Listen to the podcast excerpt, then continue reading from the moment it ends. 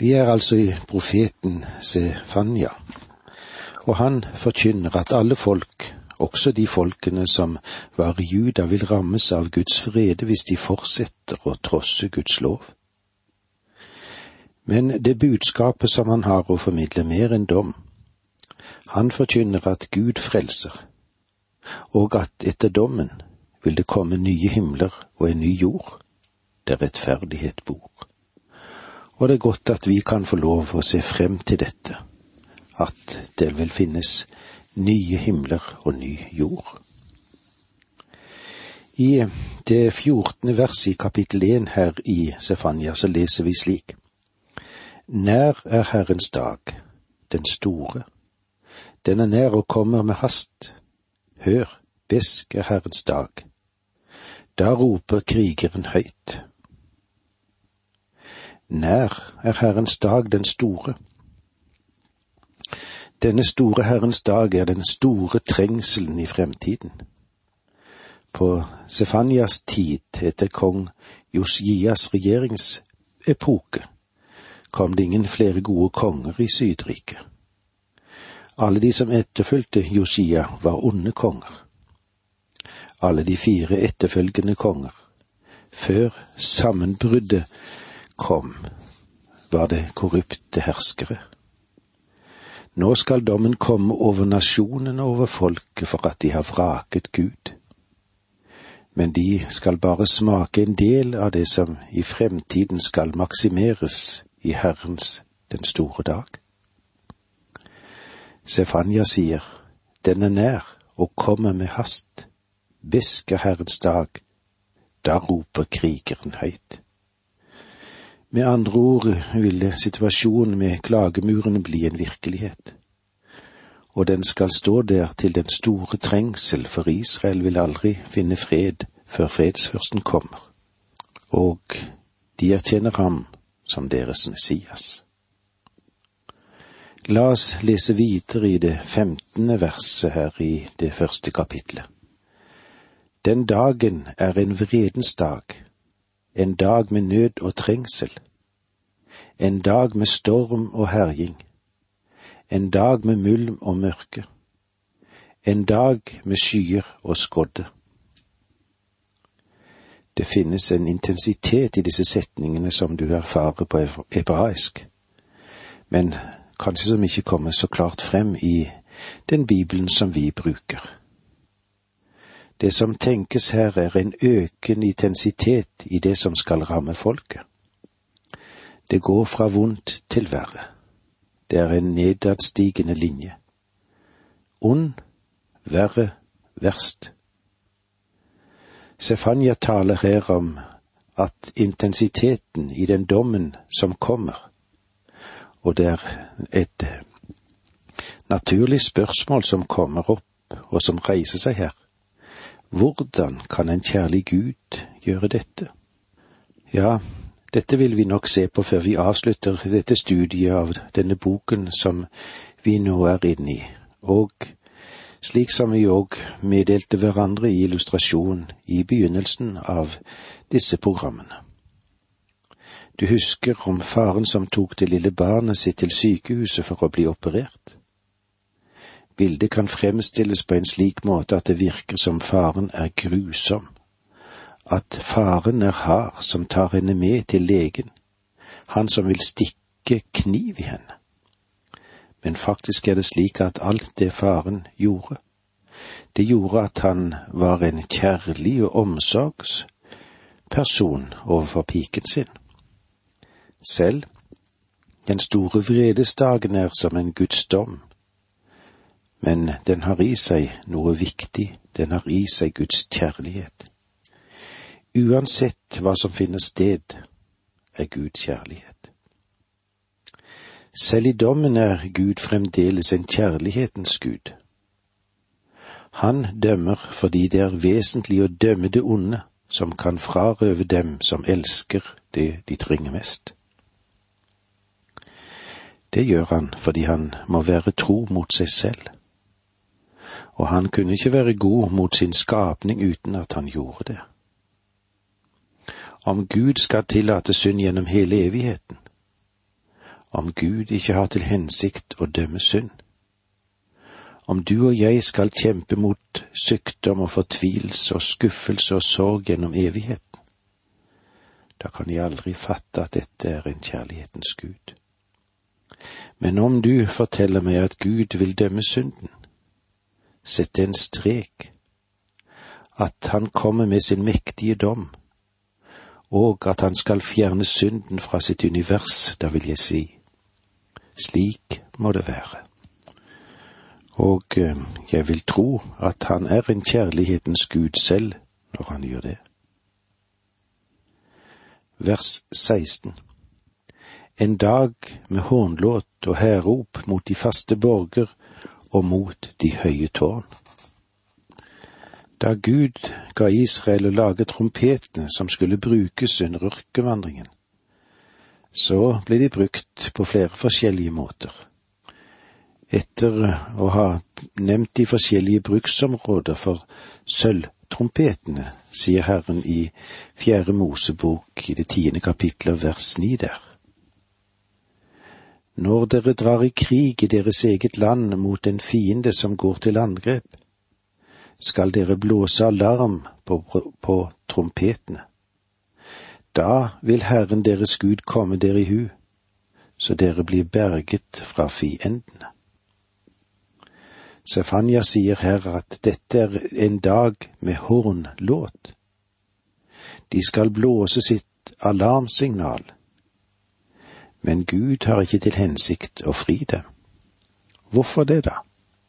Fordi han vil dømme dem. Han vil overgi dem til fienden ikke fri dem fra fienden. Det skal være en dag med hånlåt og hærrop mot de faste borger og mot de høye tårn. Vers 17 Da vil jeg gjøre folk så redde at de går omkring som blinde, for de har syndet mot Herren.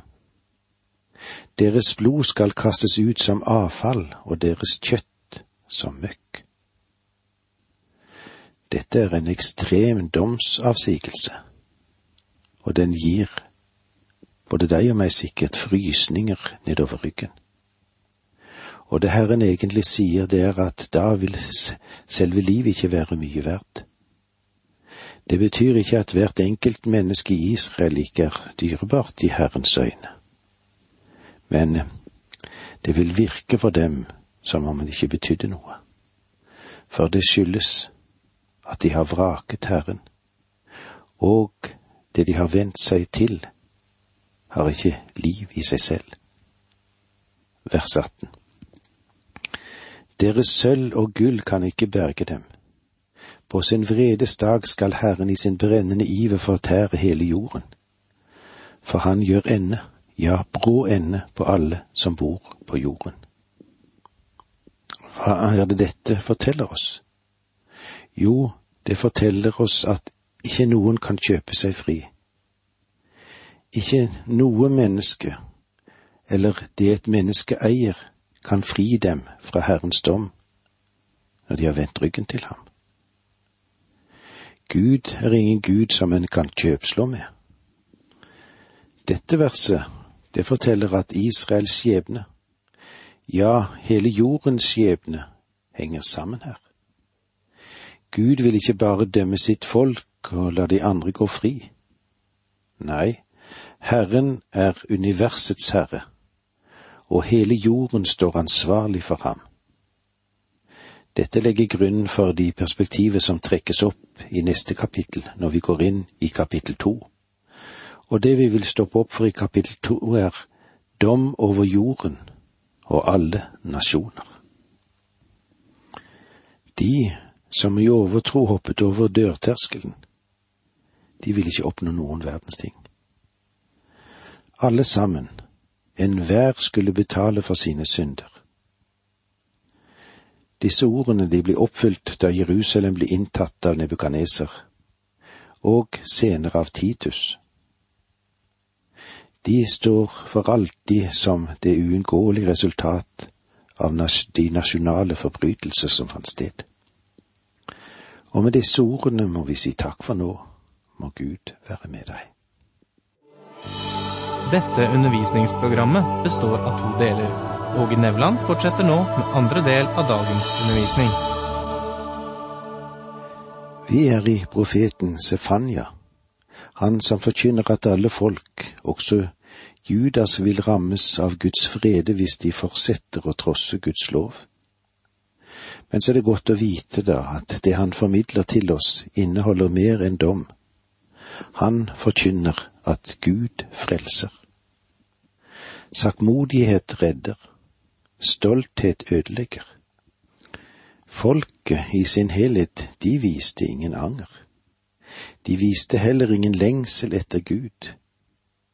Men det var noen få sakkmodige ydmyke sjeler og de skulle skjules i den kommende katastrofe. Gud redder sine fra ødeleggelsen. Han sender sine engler for å hjelpe. Du vet hvordan det gikk med Lot når han kom seg ut av Sodoma. Han hjelper sine, og det er godt og trygt for oss å vite det. Som en overskrift over det vi nå går inn i, kan vi sette dom over jorden og over alle nasjoner. Gud har ikke bare dømt sitt eget folk, men han dømmer også de øvrige folkeslag. Og det er dette temaet i dette kapitlet som vi nå skal ta med oss ifra vers åtte til og med kapittel tre. Og da er det godt å vite at Gud er nådig. Gud er langmodig og han er ikke villig til at noen skal få gå. Derfor sender han ut en siste innbydelse. Han kommer med et siste kall.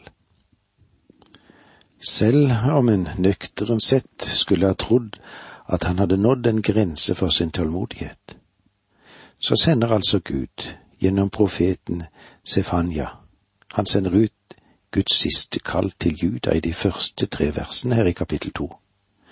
Og så ber han dem om å vende om, og så ber han dem om å komme til ham. Vi leser i det første verset her i det andre kapitlet. Kom sammen, hold samling du folk som ikke kjenner skam. Kom sammen, hold samling. De skal komme sammen som et folk, som en gruppe tilbedere som tigger Gud om å fri dem og at han kan tilgi dem, at han kan ta bort den synd de har begått, og at de gir løfte om at de, at de vil vende seg bort fra alle sine vonde veier. Hold samling, du folk som ikke kjenner skam. Deres synd hadde selvfølgelig brakt Guds dom over dem, men det betyr ikke at han ikke lengter etter dem. Dommen skyldes ikke at han ikke elsker dem. Dommen kom over dem på grunn av deres synd. De var avskyelige. De var noen storskrytere. De var ufølsomme for skammen i de syndige forhold. Deres synd hadde nådd de største dyp. Men de var ufølsomme for erkjennelse av at de hadde gjort noe skammelig. De hadde ikke sans for høviskhet i det hele tatt. De var skamløse i sin ferd. De syndet åpent lyst, og så skrøt de av det. Vi skulle nesten tro at vi i dagens samfunn levde på Sefania sin tid. I dag blir selv de groveste synder sett på som å være vidsynt. Og det synes det å være en sport i dette med å bryte tabugrenser. Det er mange av de, selv i TV-apparatet, som blir gratulert for sin vidsynhet. Men det er ingen som gratulerer dem for deres skamløse synd. Vi bruker lite tid på å gråte over vår synd, for vi er ikke klar over hvor anstøtelig dette virker overfor Gud. Vers to Før dere blir borte som fykende agner, før det kommer over dere Herrens brennende vrede, før den kommer over dere, Herrens vredesdag. Gud sier, Kom sammen for å be. Kom sammen for å gjøre bot. Kom sammen og vend dere til meg. Det virker som om det er noe som haster her. Stefania sier til sitt folk, Gjør det før Gud begynner å bevege seg til dom. For når dere går over grensen og Gud begynner å bevege seg til dom, da vil dere få erfare at det er for sent. Også i vårt land er det behov for mennesker i dag som kan kalle folket tilbake til bønn og bot. Det er et økende behov for det. Og jeg tror at Gud vil høre den bønnen, og han vil gi svar. Vers tre kapittel to. Søk Herren, alle ydmyke i landet, dere som gjør Hans vilje. Legg vind på rettferd og ydmykhet, så blir dere kanskje spart på Herrens vredesdag. Søk Herren, alle ydmyke i landet, dere som gjør Hans vilje. Det har alltid vært en rest som har vært tro mot Gud, og denne kimen finner vi i alle slektledd. Samme hvor mørk denne åndelige situasjonen har vært, så har det alltid vært en liten rest av mennesker som Herren kunne stole på. Det er denne rest Gud taler også til her, den gudfryktige rest i Juda. Legg vind på rettferdighet. Også denne rest må våke over hvordan de lever sitt liv. Søk ydmykhet. De skal ikke la seg dra med i tidens arroganse og stolthet og selvtilstrekkelighet, for det var en av de store synder i israelsfolket, det. Dette er også en fare blant de troende i dag. Selv av det beste vi kan rose oss av når det gjelder forfengelighet, om vi ikke eier et ydmykt hjerte, hva gjelder da dette? En kan møte troende mennesker som synes at fordi de er troende, er de bedre enn alle andre. Nei, slik er det ikke. Vi har da ingenting å rose oss av. Apostelen Paulus sa at han hadde ingenting å rose seg av. Og tro meg, om Paulus ikke hadde noe å rose seg av, så kan du være sikker på at ingen av oss har det heller, eller kan det heller. Det ligger en fare i å være stolt over at vi er Guds barn, men det burde heller føre til ydmykhet. Han sier her, legg vind på rettferd og ydmykhet. Så blir dere kanskje spart på Herrens vredesdag det er en vidunderlig ting å bli skjult i klippens revne, og bli dekket av hans vinger, som Bibelen sier det så vakkert i sitt billedspråk. Guds barn må være klar over at selv om de ikke skal gå gjennom den store trengsel, så kan de få oppleve en hel del av dom og store vanskeligheter, slik også dette folket fikk oppleve det på Sefania sin tid. Juda gikk ikke gjennom den store trengsel. Herrens store vredesdag, men de gikk sannelig gjennom det vi kan kalle den lille trengselsperioden. Vi vil alle komme til å ha prøvelser til en viss grad i dette livet. Prøvelsene, de følger menneskelivet. De har fulgt meg, og de vil følge deg. Paulus sier at vi sukker i vårt legeme, men det betyr ikke at vi er i den store trengselen, og heller ikke er det sjanse for at vi skal gå gjennom den. Nå, når vi har kommet så langt i dette avsnittet, så kommer vi til å gå inn i det fjerde verset og fortsette frem til vers 80 i kapittel 3, der vi møter dommen over folkeslagene. I dette avsnittet forteller Gud at han vil dømme alle folk på jorden. Bibelens Gud er ingen lokal guddom. Han er ingen figur som du setter på en hylle. Han er verken en lokal eller nasjonal guddom.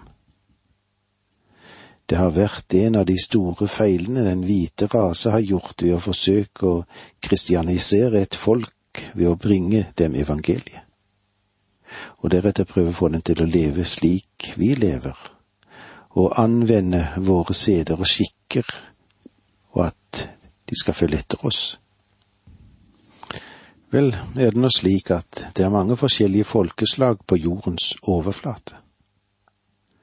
Vet du, Jesus døde for alle disse. Vår oppgave er å la de få høre evangeliet. Vi har som oppgave å formidle Guds ord til dem. Men så lar de få meisle ut sin kristne livsstil innenfor sin egen kulturelle ramme, sitt eget livsmønster. Dette er noe som vi kanskje bør tenke på. Du vet, Bibelens Gud, han er universets Gud. Han er både universets og menneskets skaper. Han er også forløseren. Og med disse ordene sier vi takk for nå, må Gud være med deg.